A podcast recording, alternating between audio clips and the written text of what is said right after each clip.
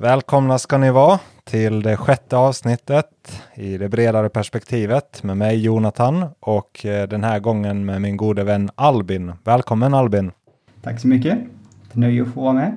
Det är roligt att ha med dig. Du är en eh, duktig anläggare. Du kanske varit med, eller varit med på utförarsidan och vi har jobbat mycket ihop i olika sammanhang, både här hemma i Sverige och även utomlands. Så tänkte passa på, eller det, vi brukar ju prata om jobb och sånt här med grävmaskiner och anläggning och allt möjligt så här när vi pratar i telefon så jag tänkte det är lika bra att spela in det. Det hade varit roligt att höra vad du har att säga. Jo, det brukar bli långa samtal ibland om allt mellan himmel och jord men som, som har med mark och anläggning att göra och utsättning och så vidare. Vad, vad har du för bakgrund? Jag har nog inte heller egentligen frågat dig någon gång exakt. Jag har nog de flesta detaljerna men hur blev du anläggare? Alltså det började väl egentligen med att jag var liten och gillade allt som brummade. Eh, traktorer, grävmaskiner eh, var ett jätteintresse när jag var grabb liksom. Eh, och det levde kvar. Så sen när jag gjorde gymnasieval så var det liksom självklart att jag skulle köra grävmaskin. Så jag sökte in på eh, ja, fordon och anläggning hette det då om jag gick det. Eller bygganläggning numera. Eh, som treårig. Ja, ja, så du har gått skolan? Ja. Gymnasiet då? Ja, precis. Eh, sen är man ju inte direkt utbildad när man slutar gymnasiet. Men eh, jag gjorde min praktik på ett eh, trädgårdsanläggning. Det var inte alls stort men jag började då. De var ju bara en tre, fyra, fem stycken. Och så, eh, så jag började ju egentligen med trädgårdsanläggning mer men sen hade de ju någon en och en halv tonnare där man satt och körde lite så eh, grävmaskins maskindelen halkade väl ifrån ganska fort egentligen eh, och blev mer ren trädgårdsanläggning första tre, fyra, fem åren. Ja, okej. Men sen- Ja, ja, så det Sen blev det lite... typ stensättning, trappor och allt möjligt ja, sånt. precis. Sen, Privat, privata trädgårdar eller? mm, ja, 90 procent då i början var det, men det var ett ganska litet företag. Nu har det ju vuxit. Sen har jag ju... ja, Vi tar långa historier här. Sen så flyttade jag Ja, Vi, då fick vi förresten lite så här fibergrävningskontrakt som alla fick där en period. Så då satt jag och grävde fiber rätt mycket så då blev det ju en del maskinkörning. Men sen så flyttade jag till en annan stad och då fick jag jobb som ren grävmaskinist. Så det körde väl i två år någonting och sen så hamnade vi ju i England ihop i två, tre år. Eller jag var i två, tre år i England i alla fall. Mm. Och där körde jag ju ja, 80-90 procent av tiden maskin. Eh, Men så nu när jag är tillbaka igen så ja, med corona blev ett problem där så kom jag tillbaka så jag har varit hemma ett år nu från England ungefär.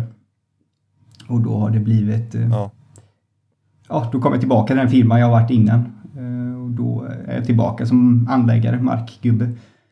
Mm. Och jag trivs nog. Hur, hur tycker du? Kan du yrket nu eller hur, hur, när, när börjar du känna att du kan liksom känna dig bekväm och vara grävmaskinist? Och, Ja, alltså... eh, Hur ska man säga? Alltså man, man, man känner ju att man behärskar jobbet liksom. Eh, och men man blir för bekväm i det så måste man ju hitta nya utmaningar. Eh, annars så står man ju still. Och som nu i höst, nu när jag kom hem från England där så kände jag liksom att nu, nu ah, jag vill göra, jag vill ha lite utmaningar så jag fick erbjudande att börja som arbetsledare. Men så, jag kände inte riktigt för det då. Jag, jag hade varit lite till och från arbetsledare i England där och jag kände att jag inte ville ha det ansvaret, den pressen just då när jag kom hem. Så jag tackade nej till det erbjudandet. Men jag ville ju ändå ha en utmaning så då startade jag ett eget, startade eget här nu i ja, senhösten, somras. Eh, Så det blir lite ner med det och tänka på ekonomin och räkna och få ihop grejer och så vidare. Så där kände jag blev en väldigt bra utmaning. Eh, Jobbet är ändå detsamma men det är helt annorlunda tänk i det liksom. och, ja, vad tycker du du har lärt dig på den här tiden? Det är sant du har kört F-skatt nu ett tag. Liksom, vad, vad, perspektivet, hur har det liksom förändrats? Dels är det vissa grejer fattar man ju inte. Dels en del grejer är ju, tycker man ju att det är så billigt, varför köper de inte in sådana åt en när man är anställd? Och andra grejer är så här, oj vad dyrt det här är, varför slösar vi så mycket med sånt? Man får ett helt annan perspektiv på vad kostnader är i olika poster. Vad har du för praktiska exempel? Liksom, vad, vad ska vi ta med oss? Vad ska man köpa till anställda? Ja men bara så här förbrukningsverktyg liksom. Eh, Säg skyffel liksom. Som anläggare om du går och du liksom gör av med två skyfflar per säsong nästan liksom. Men det är många företag så här, man får en skyffel i början av säsongen och sen är den helt sne och vind i september, oktober men man går ändå ja, sliter väl den där skyffeln. Det är liksom inga pengar i en skyffel så. Nej, typ 300 spänn en timmes liksom. Precis, och det gör som skillnad att ha bra grejer och mycket sådana förbrukningsvaror. Man går med samma vattenpass i tre år och sen inser man att det visar snett hux flux för att man inte, ja, liksom det är sådana små grejer ja. som gör väldigt stor skillnad. Hmm. Men sen är det ju andra grejer man inte riktigt har förstått vad kostnader är och så vidare. Så det är svårt att säga något mm. exempel på det kanske. Men... Jag tyckte det var väldigt bra liksom. Det är sant att ja, som en grävmaskiner och bilar och liknande kostar ju mycket, mycket mer i förhållande. Mm. Att kan man öka effektiviteten lite på grävmaskinen och genom att resten funkar så. Ja. Bil är ju bara som en slukhål. Du drar inte in någonting på den, det bara kostar pengar. ja. Men du måste ju ha en så det är ju bara bita sura äpplet. Om jag minns rätt, alltså, när vi har pratat, alltså, du, du, har haft väl rätt så mycket frihet på ditt jobb, liksom haft rätt mycket ansvar eh, från ung ålder. Alltså, jag kommer ihåg eh, redan som, ja, när du var 16, liksom, du har liksom fått vara väldigt fri. Hur, hur tycker du det har utvecklat dig? Jo, alltså det, det, gör ju att man känner sig... Alltså, det har väl gjort att man har utvecklats och kan behärska väldigt mycket. Eh, sen nu inser man att man har gjort fel ibland. Med, nu när man börjar få erfarenheten att man inte har gjort riktigt rätt överallt kanske. Men eh, eh, det är väl mycket, han som var min chef där i början, han var ju ganska ung egentligen för att driva ett företag, eller när han tog över det där. Men jag, precis när jag slutade gymnasiet så tog han över det här trädgårdsanläggningsföretaget. Och han var väldigt så, vi var ju tre, fyra grabbar som bara var i 20-årsåldern som han drog in där och började drilla ganska hårt. Eh, både liksom hur man ska driva företag och ekonomi och grejer. Och tänk på det, du kan spara fem kronor där liksom. Och så här. Det där tänket. Och det, vi fick väldigt stora ansvar mm. direkt. Eh, bland annat vet jag, jag var första, jag var väl inte mer 18-19 år, jag var skyltansvarig. Vi stängde av, jag tror det var E22 eller något sånt där. Då hade jag aldrig gått med på det, men vet konsekvenserna på det liksom. Just det tänkte jag på. Jag kommer ihåg nämligen det att du berättade någon gång. Ja, jag har stängt av E22. Ja. Jo, vi gick ut där en natt med Team A-bilar och grejer och jag stod som ansvarig. jag vet inte vad jag kom med på idag. Ja. Nej, det är rätt så mycket ansvar egentligen när man väl har gått de där kurserna. Mm. Jo, men som sagt, man, man, man, man lärde sig mycket på det. Och jag tror det uppskattas särskilt mycket som du och jag som varit utomlands lite. att svenska arbetare har det här tänket att man får, här är ritningen, lös problemet. Medan i en del andra länder tror jag mer så här, man alltid har en arbetsledare, en byggbas eller någonting, någon som pekar på vad man ska göra. Vi är vana vid att här får du en bibba ritningar, lös problemet tror jag. Eller så är min uppfattning i alla fall. Ja. Ja, jo, jag tror nog om man får generalisera så är det nog så, men nog är det att alla inte är så heller här, här hemma. Men vad, vad, tror du, vad lärde du dig av han chefen där eller vad tyckte du han gjorde bra där med? Alltså kommer du på något specifikt liksom att, att du har haft med dig i bakhuvudet och som erfarenheter och bra vanor och Nej men just det här det att han vara. redan där i början drillade oss med ekonomibiten. För det är lätt man inte får med i början kanske. Man är ute och jobbar utan och han kom ut där och kan du kan vi göra så? Kan vi spara fyra kubik? Liksom de här små grejerna men som ändå gjorde ganska mycket. Som kan göra mycket i slutändan, speciellt på större projekt. Du kanske kan lägga ja, något annat material istället för det, lite billigare material där. Och det tänket har väl blivit indrillat direkt där, att, att man försöker tänka på vilket material som är lite billigare och vad kan använda det. Sen får det ju inte gå till överdrift men, men det, det drillar han in rätt hårt i oss där i början. Eh, och det, det sitter kvar gör det. Att man tänker på sina beslut och varför jag tar det materialet där och kan jag köra en sån där istället för en sån och så vidare. Det när du är inne på det så det, det är nog en sak som jag uppskattat också att när jag har jobbat så varit väldigt nära kopplad med fakturorna. Att jag har fått se fakturorna och liksom att göra min egen budget. Även om inte det var den gällande så fick jag, jag blev liksom lärd att alltid göra en skuggbudget. Att okej, okay, vad, vad kostar det här? Hur lång tid tar det?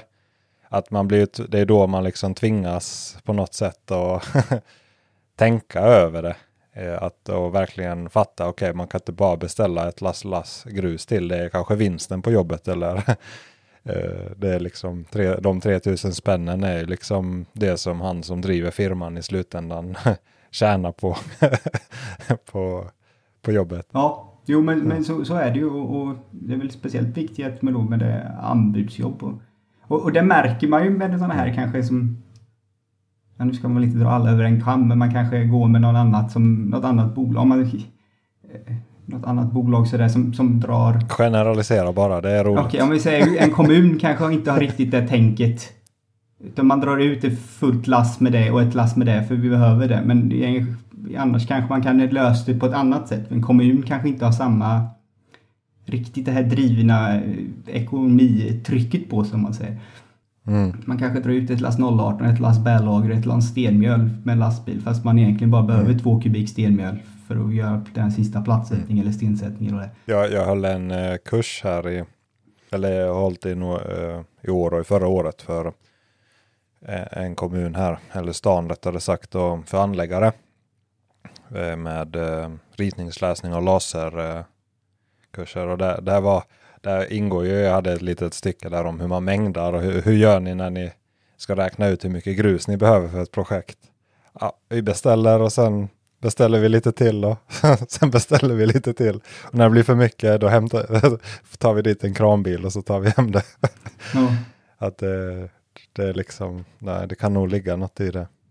Jo. Vad, vad har du gjort mest fastpris eller löpande eller har det varit någon blandning? Alltså tycker du att de, eller hur har du har ni jobbat? Nej, just nu jag hyr ju bara ut mig som markgubbe liksom. Så jag kommer i min bil och mina verktyg. Mm. Så jag, jag kör fast körning för en firma i stort sett.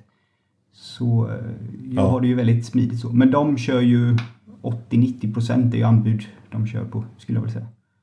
Mm. Eh, och det är ju den firma jag började på, men de har ju vuxit rejält så att de kör ju mycket kommunalt och större andra byggbolag och så vidare det är väl nästan väldigt liten andel numera är privatkunder faktiskt.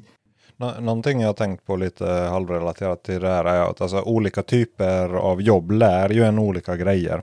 Om man gjuter plattor så blir man ju väldigt noga med att förbereda sig förhoppningsvis att inför gjutningar och någonting jag har gjort relativt mycket är grävt upp gamla grejer och lagat typ eh, trasiga ledningar, trasiga brunnar och Alltså jag tycker det har varit väldigt lärorikt att gräva upp grejer. Jag bara tänker på dig, liksom, vad, vad har du lärt dig på dina jobb? Eller liksom, jag tänkte, du, du grävde ju fiber dedikerat där ett litet tag. Vad, vad fick du med dig? Att man inte vill gräva upp fiber igen. det har gått väldigt fort att få ner mycket fiber i Sverige. Så att jag, det har väl slarvats rätt mycket egentligen tror jag här och var. Men, men just som du säger det här med ja. att man eh, det är mer jobb kanske att ta ut det stenmjölet eller 018 och skyddsfylla en slang, rör, kabel, vad det nu är och lägga i kabelbandet. Eh, men mm. den dagen någon annan ska gräva upp det är det ju oftast så har ju, har ju du gjort en jättegentjänst eller jättetjänst åt den personen. Ja, det, jag, jag har tänkt liksom det att man, man ger som en present till nästa mm. handläggare ner, ner, i tiden och man lägger kabelband och, och annat material. Mm. det fyller, även om röret håller för kanske grövre material. Det är, mm. Gå med spaden så gräva 030 eller 060 liksom och så är det inget skiftande material, bara kommer ett rör. Ja, det är mm. hemskt. Så det brukar vara tyvärr. Vi var nu och gjorde en husgrund här i höstas som var på en grusås mer eller mindre. Eh, och då är det också sådär svårt för det var det, de största stenarna är liksom 30-35 mm i den grusåsen. Det är också sådär svårt, liksom, ska man lägga ett annat material? Det behövs ju inget annat material men nu har vi varit där och grävt upp det två, tre gånger. Då hade man ju velat ta det där 018 istället för då hade man ju hittat det lättare. Men ja, det är också en mm. kostnadsfråga. Tidsfråga. Upplever du som att du har liksom fått med dig det här att man tänker lite mer på framtiden? Ja, men som det här med, med lägga skyddsband eller avvikande material. Du tjänar ju ingenting på det just nu. Men att i längden så liksom du förbättrar det ju för nästa längre ner. För det, det, är någonting jag upplever att i början så fattar man inte varför man skulle göra Jag Alltså just då, det är väl bara att fylla igen liksom. Man vill ju bara hem. Liksom. Mm det här med tiden. Man ser liksom lång, långsiktigare konsekvenserna av grejerna. Eh, alltså både ja och nej får jag säga. Alltså, där i, i England körde de ju väldigt hårt att vi var tvungna och, och med det här det var ju väldigt hårda kvalitetskontroller vi hade med att vi hade lagt de här banden och rätt skyddsmaterial mm. fyllts och så vidare och allt mättes in och så vidare. Ehm, sen, sen är det ju så olika hur man gör. Är man på en industri eller i någons trädgård liksom. Då, då blir det ju inte att man är så noga. Man borde ju vara egentligen men man, man har ju inte den samma...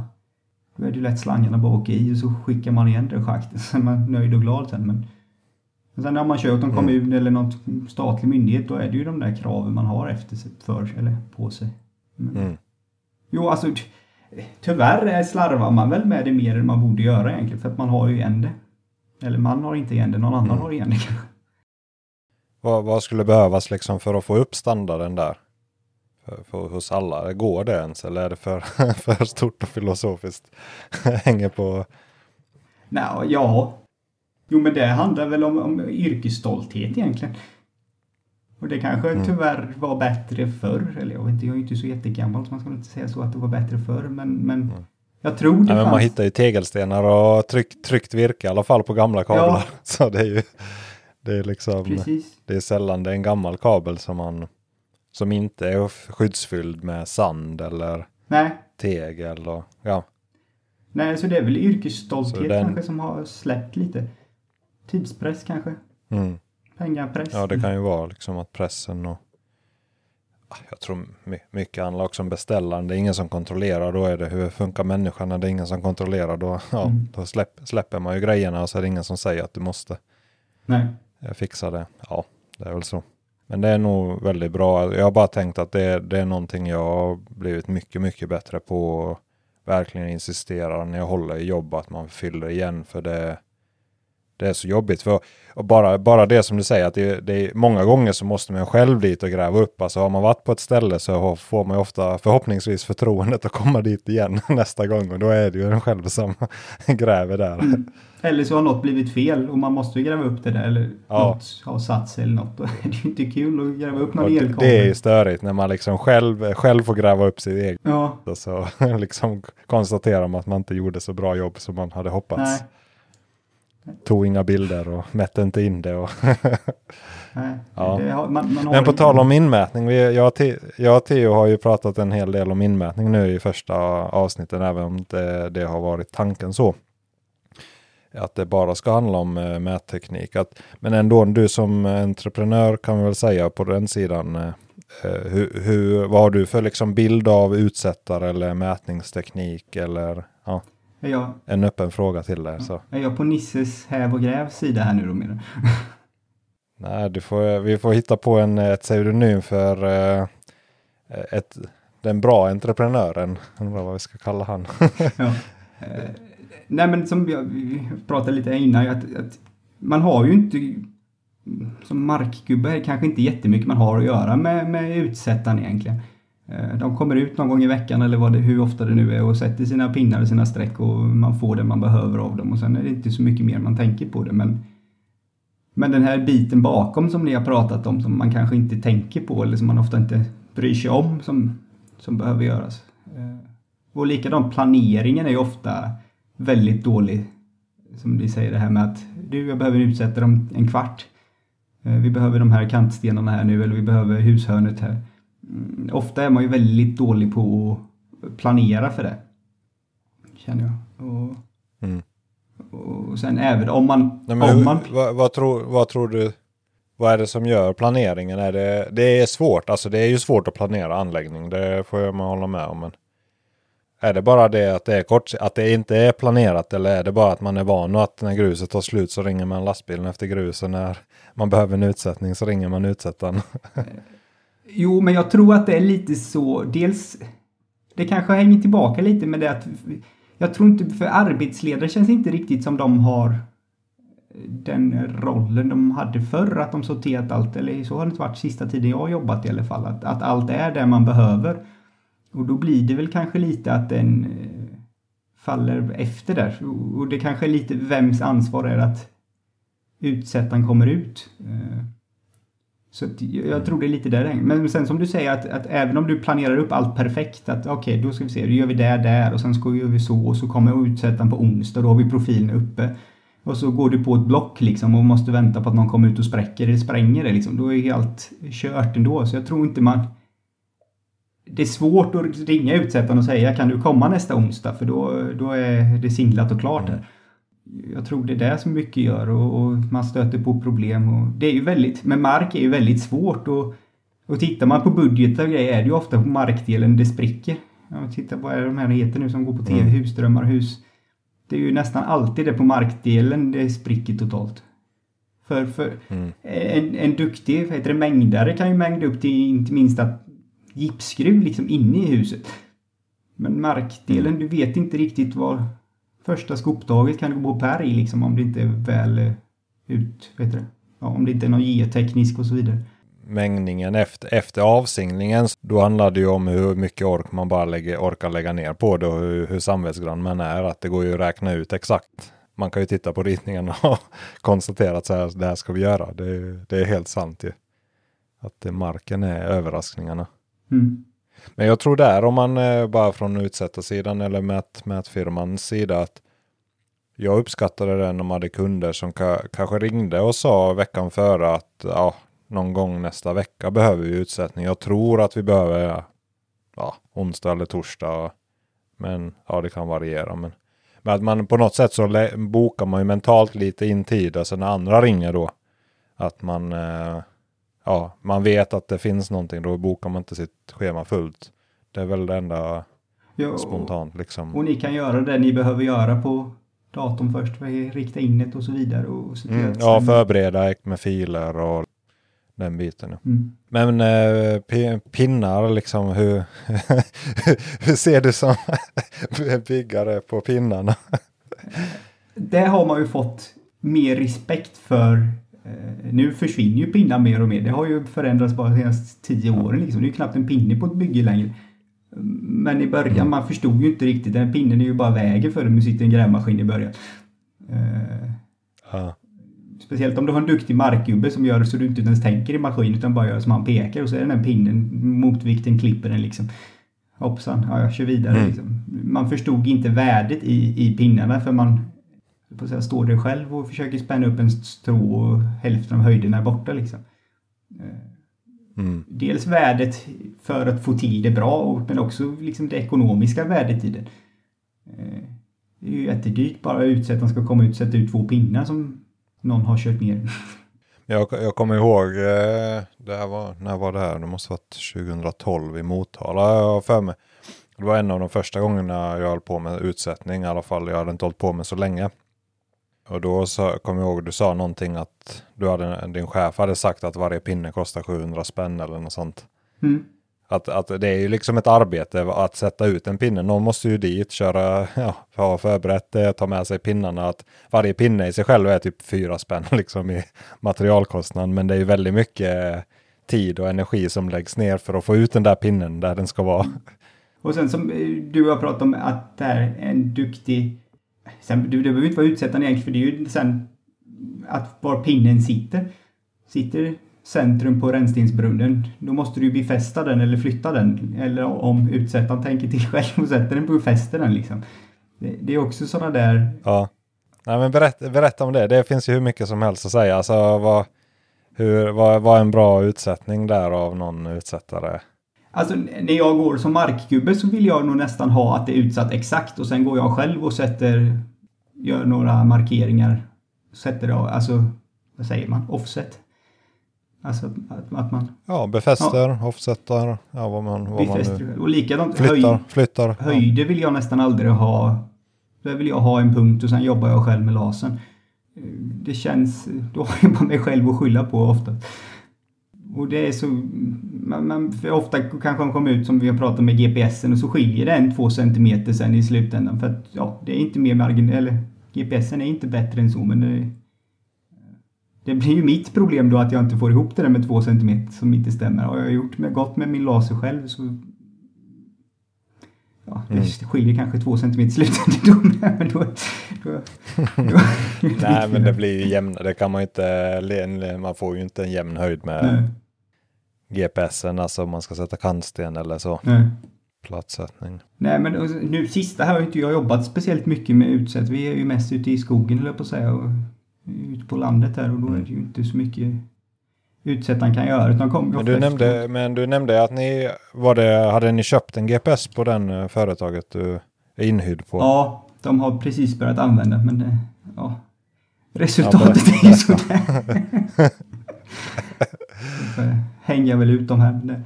Det är ju, ingen har väl någon direkt ja, utbildning och, och, kan den egentligen. Det är ju inte jättekomplicerat med allt stämmer med en GPS. Men eh, det som du säger, är det något som inte, är det något som krånglar så för att lista ut vad det är som krånglar är det ju, det är ju där en, en duktig utsättare behövs till. Så, ja.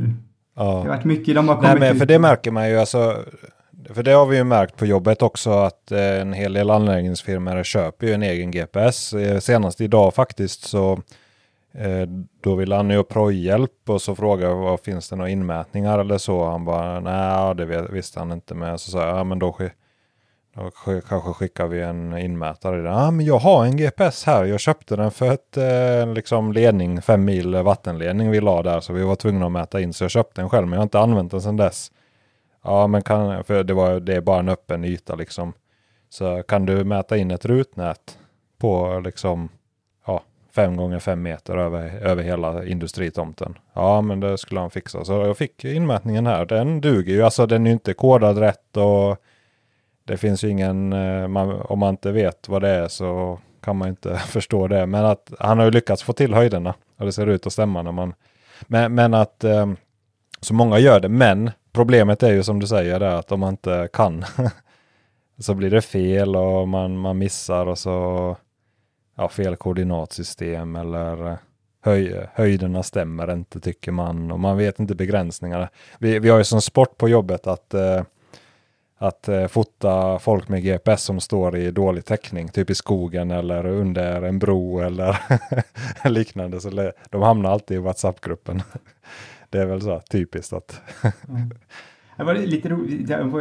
De började precis med den här GPSen men ni hade de här GPS-avsnitten.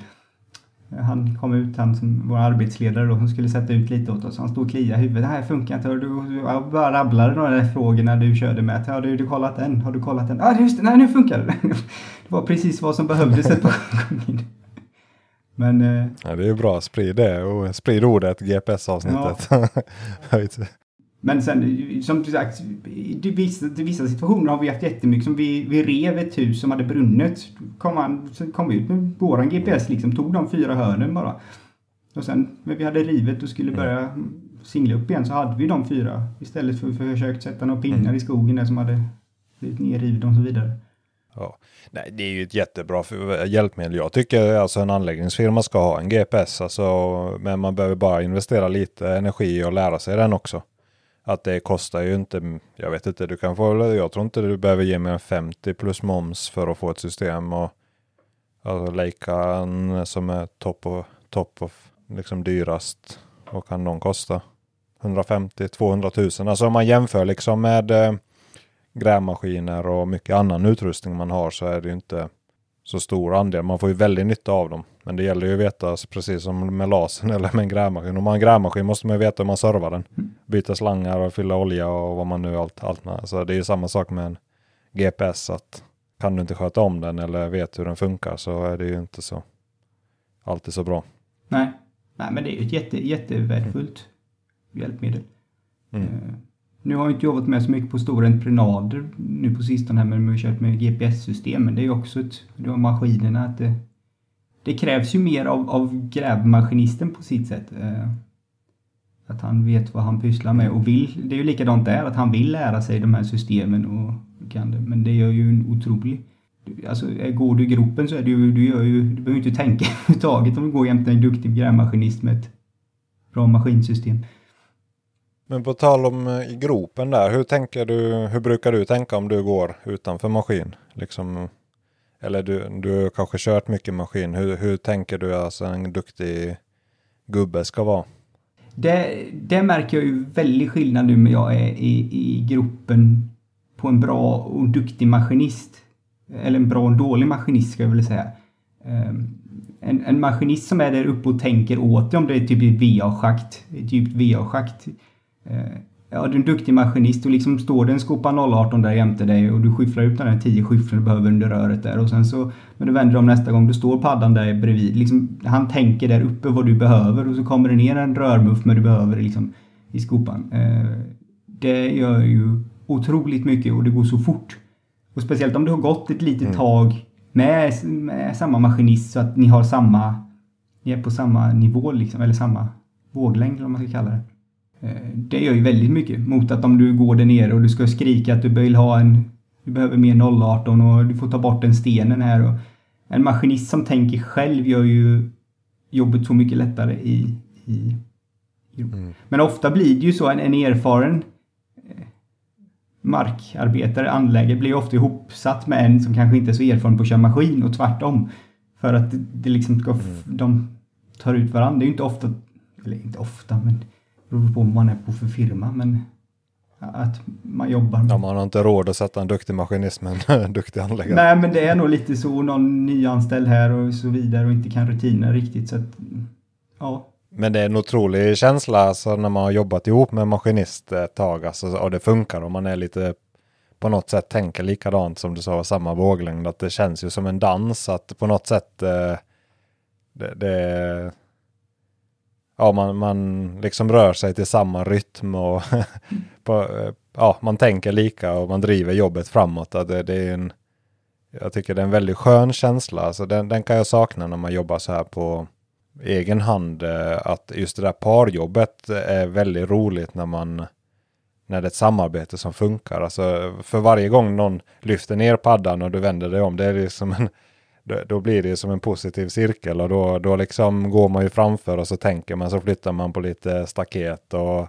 ja, gör sådana små grejer som blir lättare för maskinisten. Och det blir, det blir en väldigt, ja det kan bli riktigt bra. Alltså det, det är en speciell upplevelse. Jag vet inte riktigt hur man ska, vad det motsvarar i an, an, andra delar av livet. Jo. Och det är väldigt, en del klickar man ju med direkt. Man, bara, man har samma tänk på hur man jobbar och det är bara tio minuter så liksom flyter jobbet. Man behöver inte prata med varandra knappt. Mm. Utan, ja. och sen vissa, man pratar med kroppsspråket. Ja, liksom. och vissa får man ju aldrig det flytet med. Medan andra kan få jätte... Liksom, det är ju hur, hur man tänker. Och det är nog lite hur man är skolad med tror jag. Hur, hur man ska göra. Jag menar, mm. man kan ju lägga ett rör på 15 olika sätt liksom. Och 10 av dem är rätt, eller brukar jag säga. Men på tal om rör, hur lägger du rör? Packad ledningsbädd eller mjuk ledningsbädd? eh, mjuk, oftast. Ja, du är, du är mjuk. Ja. Ja. Alltså, det, alltså det, ja. Lägger man en så här lång, ett stort VA-schakt liksom, då är det ju inte så svårt att liksom packa upp sex meter och skicka i en pipa och så vidare. Men ofta, liksom, när jag gör husgrunder och så är det ju liksom det är kanske en två meters stump man ska lägga i och så blir det Ja, då blir det nog ofta kött. Hur, hur lägger du mjukt? Jag har liksom inte jobbat med mjuka metoder. Jag har bara, blivit, jag har bara lagt hård eh, ledningsbädd. Men jag har läst att det teoretiskt ska vara bättre med mjuk bädd också. Så jag, eh, men liksom schakt, gör du botten och så gör botten hård och sen lägger du din ledningsbädd typ 10-15 och sen lägger du i röret och sen eller hur? Alltså det, det, är ju också vad du har för material. Som nu här, vi jobbat i jättebra grusigt material. Grävmaskinist kan nästan gräva liksom exakt. Eh, på, och då är det ju bara på centimeter 0,18 eller vad du lägger i. Och sen likadant med du, typ runt en husgrund behöver du inte vara... Du justerar ju fallet as you go liksom. Eh, så du, mm. då, för då blir det ju inte, alltså ska du ha packa då måste du nästan gå med en rörlaser och, och liksom lägga upp sex meter där eller liksom kunna göra hela husgrunden i ett och sätta en falllaser. Men kan du inte det så blir det ju lite, alltså jag, jag kanske lägger tre meter rör och så liksom packar upp det och sen sätter något, någon ja, takvatten eller något eller någon koppling där och sen så lägger man ett par meter till. Då vet ju ofta inte exakt fall.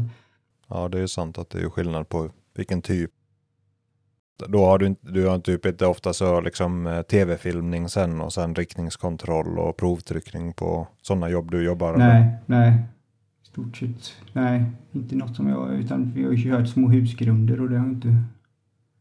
Det har ju till och med varit rätt mycket attefallshus. Mm. Det är ju väldigt slappt med kontroller och så vidare. nej, det är ju väldigt skillnad eh, på typen av jobb. Vad finns det mer då? Vi måste prata Vad var betong det vi, vi förberedde? Ja, betong ja. Betong, betong. Vad finns det att säga om detta kära ämne? Det får bli många avsnitt om betong någon annan gång. Mm. Men, hur, du, har, ja, du hade gjort lite grunder nu på sistone. Ja, jo. Du har ju ett otroligt teoretiskt kunnande om betong. Jag har ju aldrig satt mig in och läsa. Det kom en betongbil och så utmätt och sloda till det och ut på med helikopter och så vidare. Men eh, jag har ju aldrig satt mig in i riktigt det här delarna av betong. Men det, Ja, det, det är ett väldigt fascinerande material. Ja, betonghandboken del 1, 2, 3 där. Som tjockare än Bibeln. 2000 sidor om betong. Det, Mm. det, nej men, men det är att det, ja, det här ett levande material liksom. Som, eh, det, det är ju så olika hur, hur det går. Det, det, varje gjutning är annorlunda liksom. Det, det, väl- jag har ju inte hållit på jättemycket med det. Liksom, jag har ju gått som markanläggare och, och maskinist mestadels. Så liksom man är runt med de gjuten. Men nu sista här liksom har jag varit i gummistövlar och klafsat runt i ett, ett antal grunder. Men berätta, jag tycker, du, du visst gjorde du tre, tre helgrunder nu på sistone Mm. eller? Eller var det fler? Eh, ja, Vad var lärdomarna? Det, vad gick dåligt och vad gick bra?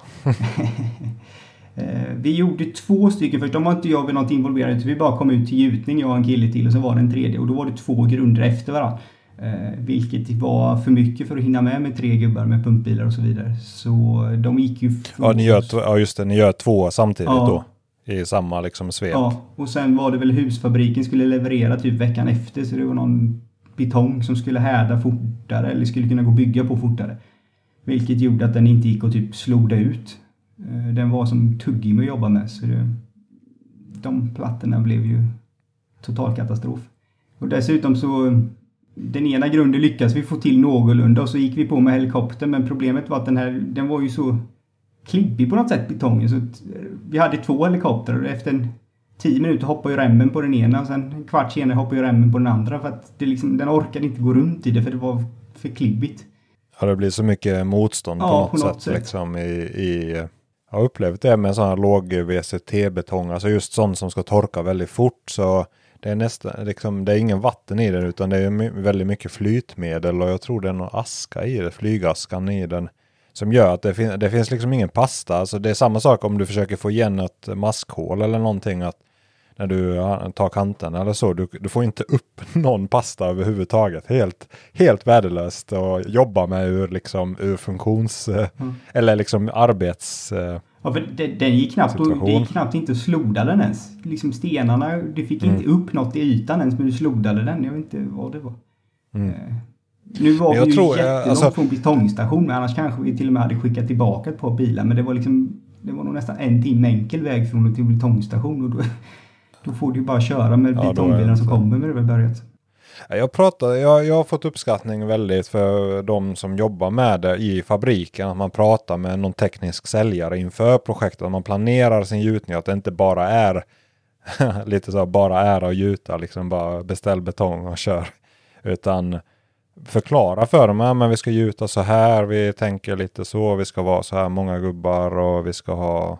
Vi vill ha det färdigt så här och tätskikt då och då och då liksom man, man nästan liksom pratar om funktion och önskemål och så. Och sen kommer de med rekommendationer. För ju, just att golvbetong, eh, det, eh, ofta är sådana här VCT, liksom låg VCT och sån snabbtorkande, kanske utvecklade för bjälklag och valv och liksom sådana lägenhetshus där de, de kanske toppade med, vad heter det, med eh, avjämningssats och det är väggar och pelare och liknande för att kunna riva form fort och det kan vara för att det är kallt väder och liknande.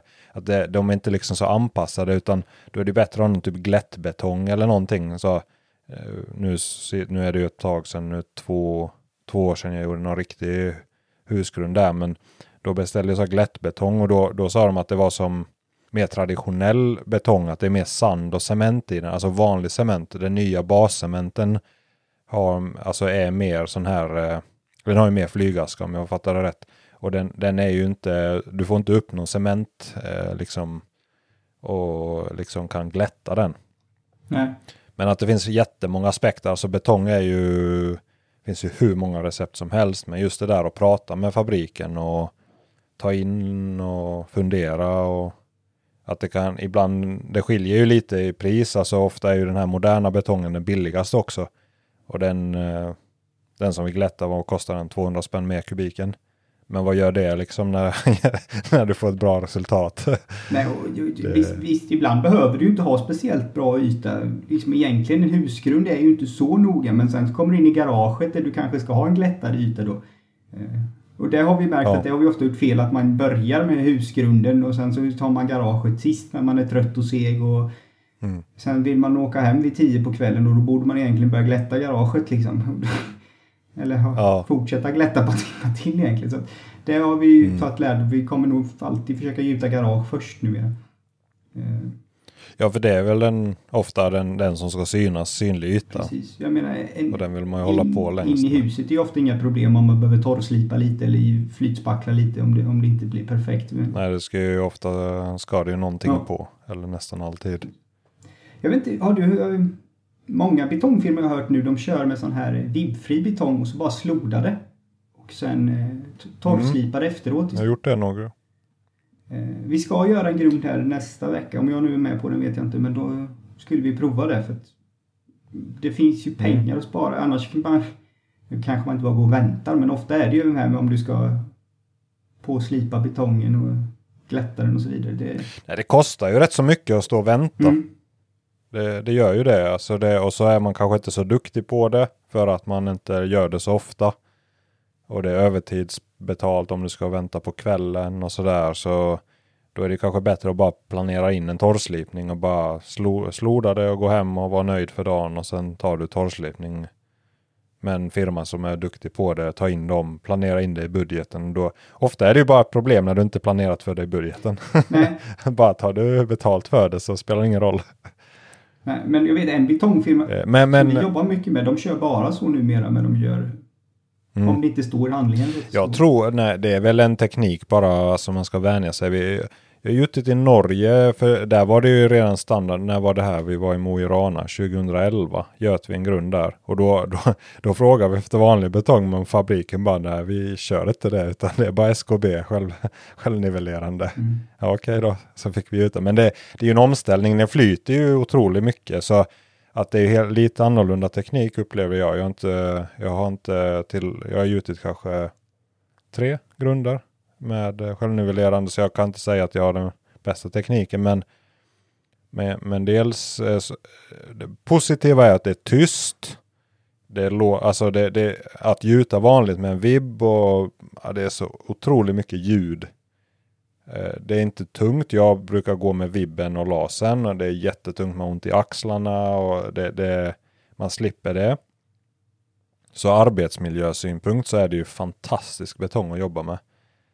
Ehm, det går ju, ja, som du säger, fort. Man bara slodar det och så är det färdigt. Det är ju rätt så lätt att få höjden att eh, jag pratar med en eh, som gjuter väldigt många tiotusentals kvadrat eh, Peter, om du känner han i Norrköping. Men han sa att en SKB-betong, om jag kommer ihåg rätt, att den inte blir lika bra som en vanlig om man är duktig. Men om man inte är så duktig så är det lättare att få SKB bättre än en vanlig betong om man inte är så duktig. Jo, för, eh, för, för den lägger ju sig så att på något sätt så tar du med snabeln eller liksom slangen och slänger ut och sen tar du slo, bara med slodan eller rakan och liksom rör runt i den lite så flyter den ut och man får det rätt bra då. Um, så det är väl det, att du, din gjut, gjutvall om man säger så, eller den gjutmånen, alltså om du har vanlig betong kanske den jag gillar att ha en meter, två, två plattrader med lasern så rakt plus en liten vall så kanske en och en halv meter medan med SKB får du ha tre eller fyra meter eh, lägga åt gången för annars bara rinner den ut. Men det går ju väldigt fort att lägga ut den. Så, men sen nackdelen är, lägger du för mycket där så är det kan ju vara lite jobbigt att få tillbaka det om du har lagt för mycket så man måste hitta den eh, det spelet då. Mm.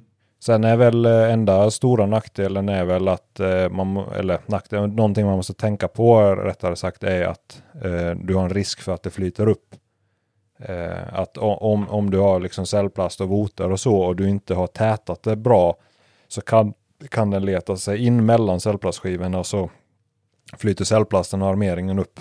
Jag har inte personligen varit med om, jag har sett bilder och jobbat med folk som varit med om det. Att det är man ju lite nervös för då. Så det, det vi när jag varit med så då eftersom de, han, han hade varit med om det som så då la vi en plast ovanför allting. Att e, en, e, alltså vanlig ångs, ångspärr fast inte för funktionen ångspärr utan det spelar ingen roll att den är, har något hål och sådär men att man, man, går över alla voter och innan armeringen då och lägger för att det blir liksom en säck som eller, eller en påse som håller ner cellplasten. Mm. Men det är väl där kanske man ska fråga folk som har gjutit mycket om det är risk eller så. Att man, men jag vågar inte gjuta utan det för jag har bara hört att det kan gå illa. Men det kan vara som skrock.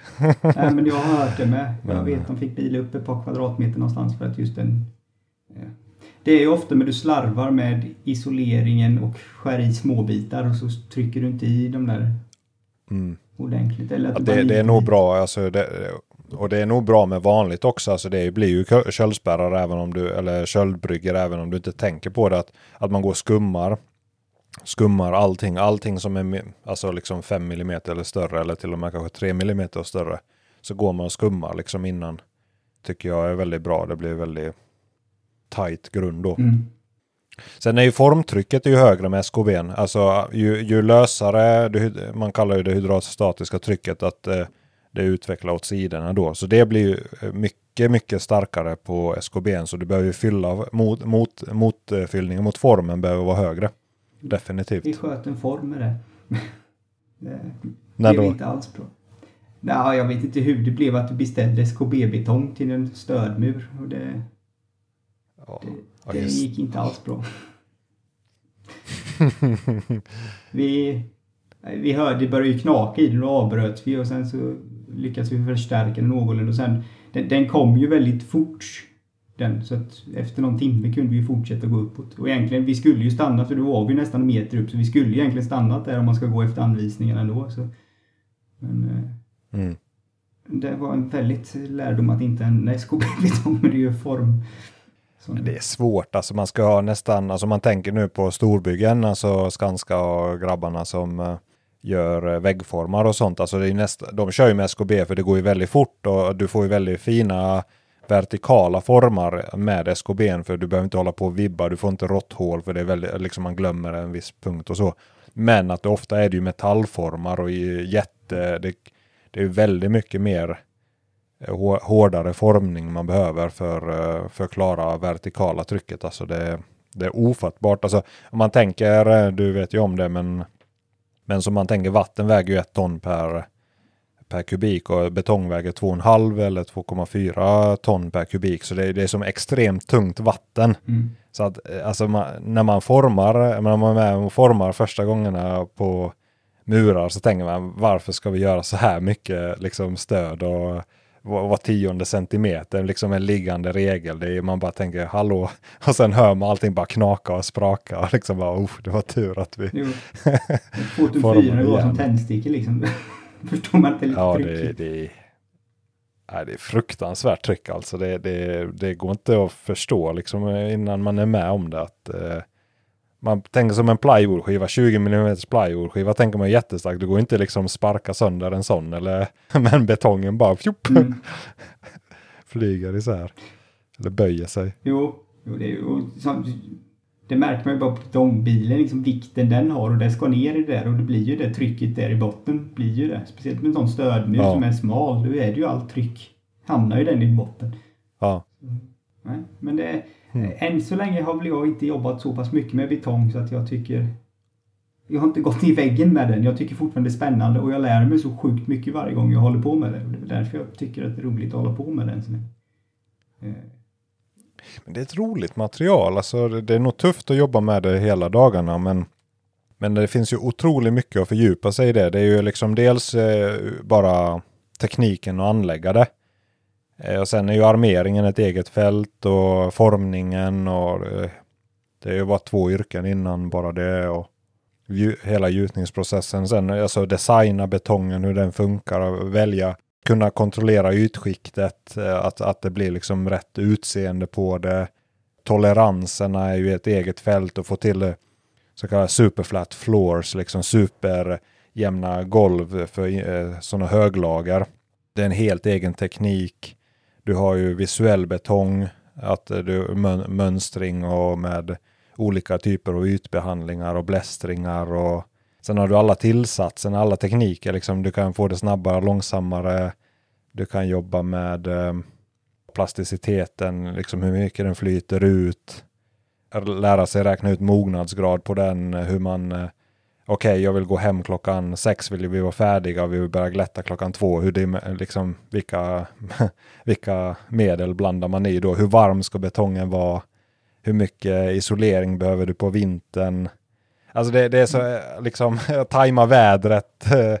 det, det, det, det finns så otroligt mycket faktorer. Så det, det, är så fascinerande. Och så är det liksom, är det anläggningsbetong eller vilken cement har du? Bascement, byggcement, anläggningscement påverkar färgen, allting. Alltså det, det, det, det är liksom extremt djupt material men samtidigt supersimpelt. Som en, en betongchaufför, så jag och en eh, kompis eh, Jocke, vi har gjutit rätt många grundar ihop så stod vi och dividerade hur vi skulle lägga ut betongen och så pumpchauffören bara Ah, sluta snacka, det är bara betong det handlar om. det brukar vi skratta åt. Liksom. Han, jag tror inte, han, han såg nog inte charmen i materialet han höll på med, utan det var bara blaska ut det och vidare till nästa byggarbetsplats. Mm.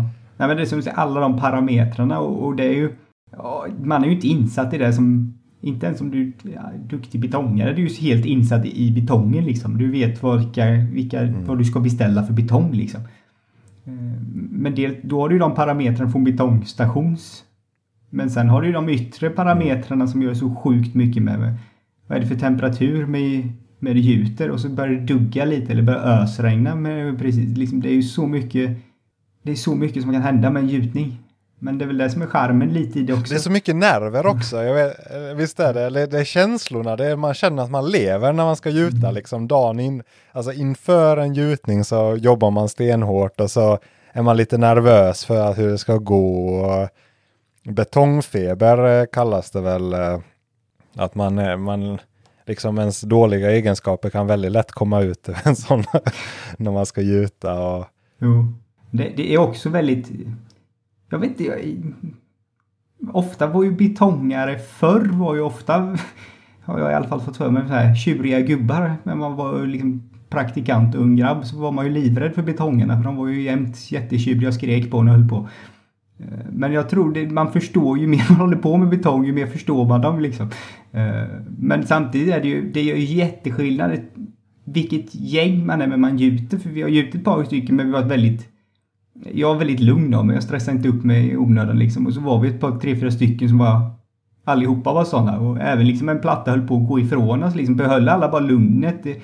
Du får ju inte mer mm. gjort liksom för att du springer där och det handlar ju, det är ju så mycket det här att kunna behålla lugnet men man märker att det, att det inte går också med betong. Ja, verkligen. Alltså det är ju liksom ett eh, personlighetstest att gjuta för, för en del klarar ju inte av det, liksom. Det, en del... Nej, vissa blir ju superarga och börjar gorma och, eller blir jättestressade och ja. blir liksom börjar fatta helt knepiga beslut. Och... Jo. Och sen är det... Det är ju en sport som belönar, liksom belönar förberedelse. Mm.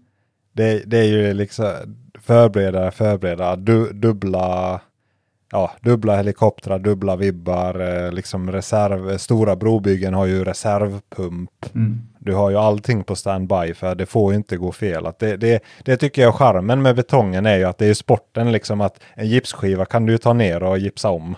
Eller du kan måla om en vägg om den blir fel. Men betongen kan, det är så svårarbeta. Nu är det ju att du kan slipa oftast. Det har ju blivit mycket billigare och bättre jämfört med på några decennier bara.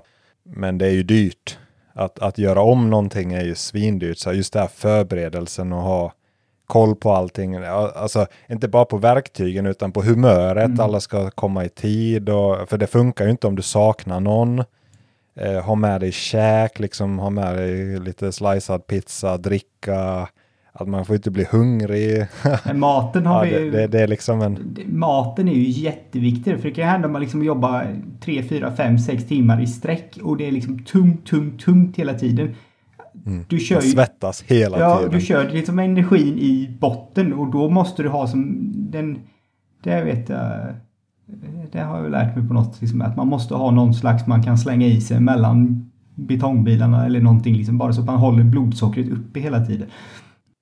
Och det, det, är en sån mental omställning just när du har gjutit färdigt. Alltså du har lagt, eller pla, rättare sagt placerat ut betongen och kanske pumpen börjat städa ut. Det känns superskönt, det, liksom det tunga över och så börjar man slappna av, man börjar bli kanske lite kall. Man, och sen, sen börjar ju liksom nästa liksom kamp och glätt yta och liksom med finarbete, då är man redan kanske helt slut. Särskilt om man inte varit så många på gjutningen så har man liksom den fysiska ansträngningen har varit riktigt tuff. Man är liksom trött i musklerna, man har mjölksyra för man kanske inte gjuter så ofta, så känner jag i alla fall. Mm. Men då börjar ju att då måste du hålla liksom koncentrationen på topp. Eh, alltså som ett garage till exempel, du vill få färdig yta. Du får inte släppa en kvadratcentimeter. Liksom, du kan inte bara äh, ta det sen, det går ju inte. Utan du måste liksom bara gneta, gneta, gneta i varenda hörn, mm. varenda kant. Gå över, helikoptern kommer inte åt det, bara ut, ut med isoleringen, ut på knän och liksom gneta, gneta i hörnen. Och, alltså det, det är, liksom, och det, det är en mental utmaning att inte släppa den. Så alltså att om, om du är en duktig betongare, alltså det, det eller liksom har inställning att kunna göra ett bra betongjobb. Jag tror det, då kan man göra det mesta liksom för många släpper bara bollen och så går de hem. Mm. och, och, och, efter, efter, efter det så kommer ju städningen av verktygen det också. Det är ju också så här, hålla igång på sommaren, liksom hela tiden tvätta av verktygen så det inte sätter sig en tjock kaka. Och, mm. Det tyckte jag alltid liksom nya som lärlingar. Eller jag blev jättehårt drillad på det att betongverktyg ska vara superrena. Min fru stör sig att mina betongverktyg är renare än hemmet. än, äh, än tallrikarna liksom. Mm. Men, äh, men att, äh, att det är ju nästa steg sen liksom att hela tiden hålla reda på verktygen. Och när allting är färdigt ska du tvätta av allting supernoga. Och det, det kräver också en mental ansträngning att liksom orka bry sig. Mm om, om, men det är ju dyra verktyg liksom, och, och de måste ju vara rena för att nästa jobb ska kunna bli bra. Mm. Så det, det, är liksom en, det är ett helt liv i sig själv, så många lärdomar som finns i gjutningen. Det är helt fascinerande betongen. Jo. Nej men eh, som du säger, det här med man, sen det här med att gå väntan där när man väl har gjutit, går och petar med fingret i och ser om man kan gå på den och vänta och så peta lite till och så ja. går man ifrån en stund och så hux flux från ingenstans och bara oj nej nu det det är också en, mm. den jobbiga väntan där. Men eh, det är lite tjusningen med det. Ja, det... Man skulle hålla på ja, mer det... med det egentligen för att vara duktig på det men samtidigt är det ingenting man mm. vill hålla på med för mycket heller. Men lite lag, i lagom doser är det lite intressant. Ja, verkligen. Mm. Det finns ju en bra hemsida, betong.se har ju Fråga Experten. Eh, där tycker jag det är jättebra sida att kolla. Det är ju mycket privatpersoner som skriver in så det finns ju oändligt antal eh, bloggposter om hur man eh, gjuter bänkskivor och sånt där. Men det finns väldigt många bra avsnitt eller liksom sådana inlägg om eh, hur man gjuter på pågjutningar på betong, alltså plattor och källare och hur man ska tänka när man väljer, hur färgar man betongen. Det, det är några doktorander, det är betongforskare och det, de är riktigt duktiga. Så betong.se, där, där har jag läst mycket man lär sig mm, om, om betong. Nej, betong, det, det får bli egna avsnitt om det. Det kan finnas hur mycket som helst. Mm. En, en fascinerande artikel jag hittade, det är väl många år sedan, men det var eh, betongtillsatser i uländer var ett forskningsarbete. Jag vet du berättat om. det är typ ja, hur man liksom eh, accelererar och eh, retarderar betongen med liksom raggarmetoder. ja, men det är också det, ja, den här bredden som finns på det som gör det spännande och intressant. Mm. Ja, betong är fascinerande, det finns ju i alla kulturer eller, liksom, eller runt om på jorden och alla har ju sitt lokala material. Som, eh, vi har ju tacksam, eh, vad heter det, bergmån här. Det finns ju många länder i problem med att berget reagerar på något sätt. Jag kan inte detaljerna där så jag ska inte säga om det är någon sulfit, alkalisulfit reaktion. Men det är någonting som gör att berget släpper ifrån sig något medel och så poppar liksom, alltså det blir som en frostsprängning i princip, fast det är ju från att det är fel bergart. Det finns massa sådana så här, liksom knepiga grejer som beror på typ vilken bergart du har och varifrån vilken ballast du har och så vidare. Så det, så det är ju inte bara det att betong är ju inte bara betong här i, utan det är ju liksom beroende på vilken cement och ballast och vilket vatten du har mm. och, var, och vart i världen du befinner dig. Så det, Ja, det är fascinerande. Vi är nere på att skriva på mutternivå här. Nu är vi nere. Ja, det är bra grejer.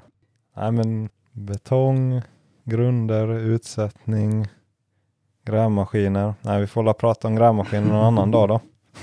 ja, jo.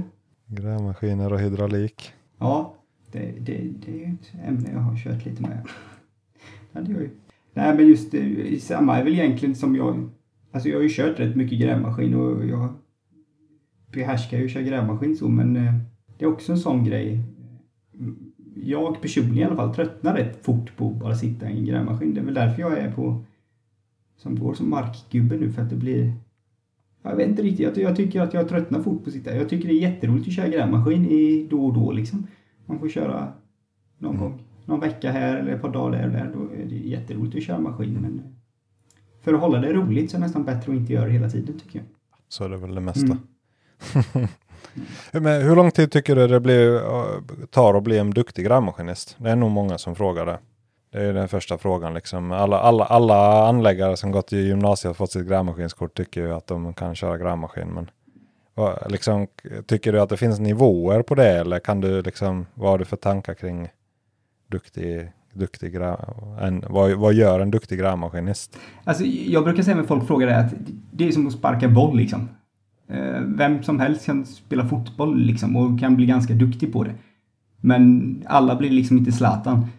Du, du måste ha det i dig om du ska upp på riktigt hög nivå. Men sen alla kan lära sig till att komma till en liksom, nivå där inga problem.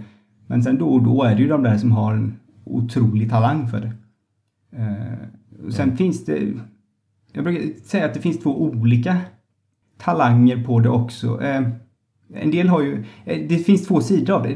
Det, ena har så här full kontroll, maskinkontroll liksom. Kör aldrig på en pinne, vet precis vad motvikten är hela tiden och, och liksom har sjuk kontroll på maskinen. Eh, och sen är det en annan del i det att du ska kunna ha den här artistiska delen, att du ska kunna se och skapa. Få har ju bägge delarna. Eh, och så här, kunna få till en snygg slänt, kunna få till det där diket i en snygg form. För det måste du liksom, du måste ju ha någon slags konstnärlig gen nästan för att kunna skapa snyggt.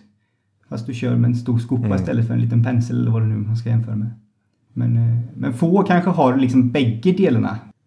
En del har extrem sån så här maskinkontroll. Kan sätta ner skopan på, på det där bromslocket utan att det liksom rör sig ens. Det bara touchar precis. Och sen andra kanske är lite mer buffliga liksom med maskin men ändå kan skapa upp grejer väldigt. Eh, och det är som sagt olika maskinister skulle jag säga.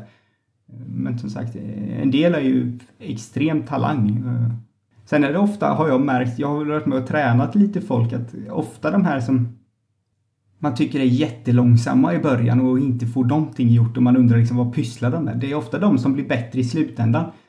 För få fart kan du ju alltid lära dig, men när du är snabb och bufflig och ryckig och den i början så liksom lära sig och vara finkänslig är svårt. Så jag har märkt att de som ofta är duktiga, liksom de som har den här finkänslan redan från början, det går långsamt men skopan är alltid den ska liksom kommer ner den ska och försiktigt kan dra och så. Det är ofta de som blir bäst i slutändan tycker jag. Efter ett par Hmm. tusen timmar. Ja, det var en intressant observation. Mm. Ja, så tycker jag att det, det är två delar av det.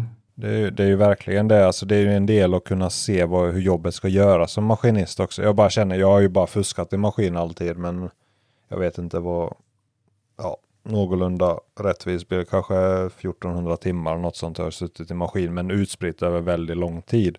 Och jag är ju inte duktig på maskinkörning överhuvudtaget, men man tar sig fram och man kan skopan rör sig ungefär som man vill. Men jag bara jämför med sådana som är duktiga, alltså kanske kört maskin några år, men aldrig tänkt på sitt jobb. Att de, de liksom kan föra maskinen men de vet inte vad de håller på med. Om man får, alltså de, de vet inte hur de ska planera att ta in lastbilarna. De vet inte liksom hur man inte gräver in sig. De liksom tänker inte framåt. Och det, det känner jag att jag, eftersom jag gått i gropen, att jag på något sätt så lär man sig den biten när du går utanför och tänker hela tiden, alltså på jobbet. Eh, man, då lär man sig den biten utanför den skulle sitta i maskin. Jo, det är egentligen en tredje aspekt på att också kunna planera. Var vill jag ha dumpellasset med det för att kunna flytta det minimalt? Och det är ju ett otroligt ekonomigrej där att kunna planera som du Visst, det tar inga tider att flytta ett lastbilslass om du sitter i en 20 ton men det är ändå någon lite bränsle som går åt och du tappar 10% av materialet för att du fick flytta högen en gång.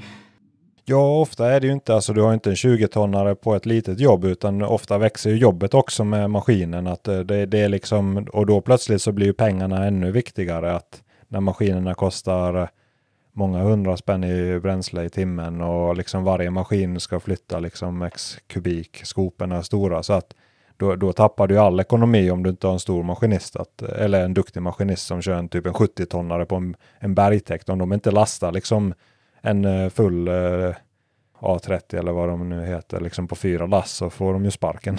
det, mm. det, är liksom att eh, prata med en, eh, när vi var i England där, en amerikan, han sa ju det liksom att han, de fick, eh, han, den chefen han jobbar för, det, det var de, han gav sparken till folk om de tog fem skopor istället för fyra och fyllde en dumper, utan det skulle, det skulle vara ex, liksom, det är onödiga cyklar. Mm. Det, då, han sa att de slet ut tänderna på en gräv, eh, löständerna på grävskopan eh, på bergskopan på en vecka. Så varje vecka bytte de tänder. Att de, de slet i fantastiskt slitage. Men, men just att då, då blir det ju att varje skopa kostar ju jättemycket pengar. Att, men varje, en, du kan ju flytta otroligt mycket material för varje. Men det är ju egentligen ska du ju ha med dig det tänket även när du kommer ner på en åtta tonner också det här med att, att varje skopa är värdefull det har väl med träning att göra. Liksom att på sig någon bonde kommer in och sitter och kör lite ibland mellan men han har ledig tid som kanske inte riktigt tänker på det här planeringssättet.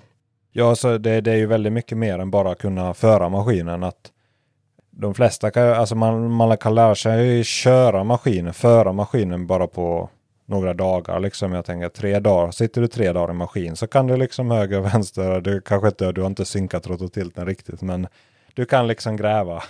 Utan sen tar det tre månader och eh, liksom och kunna ha en rätt så bra kontroll efter. Sitter du tre dagar i tre månader och bara tittar på folk så brukar de bli rätt så duktiga. Du har kört kanske 500 timmar och liksom rätt så bra kontroll.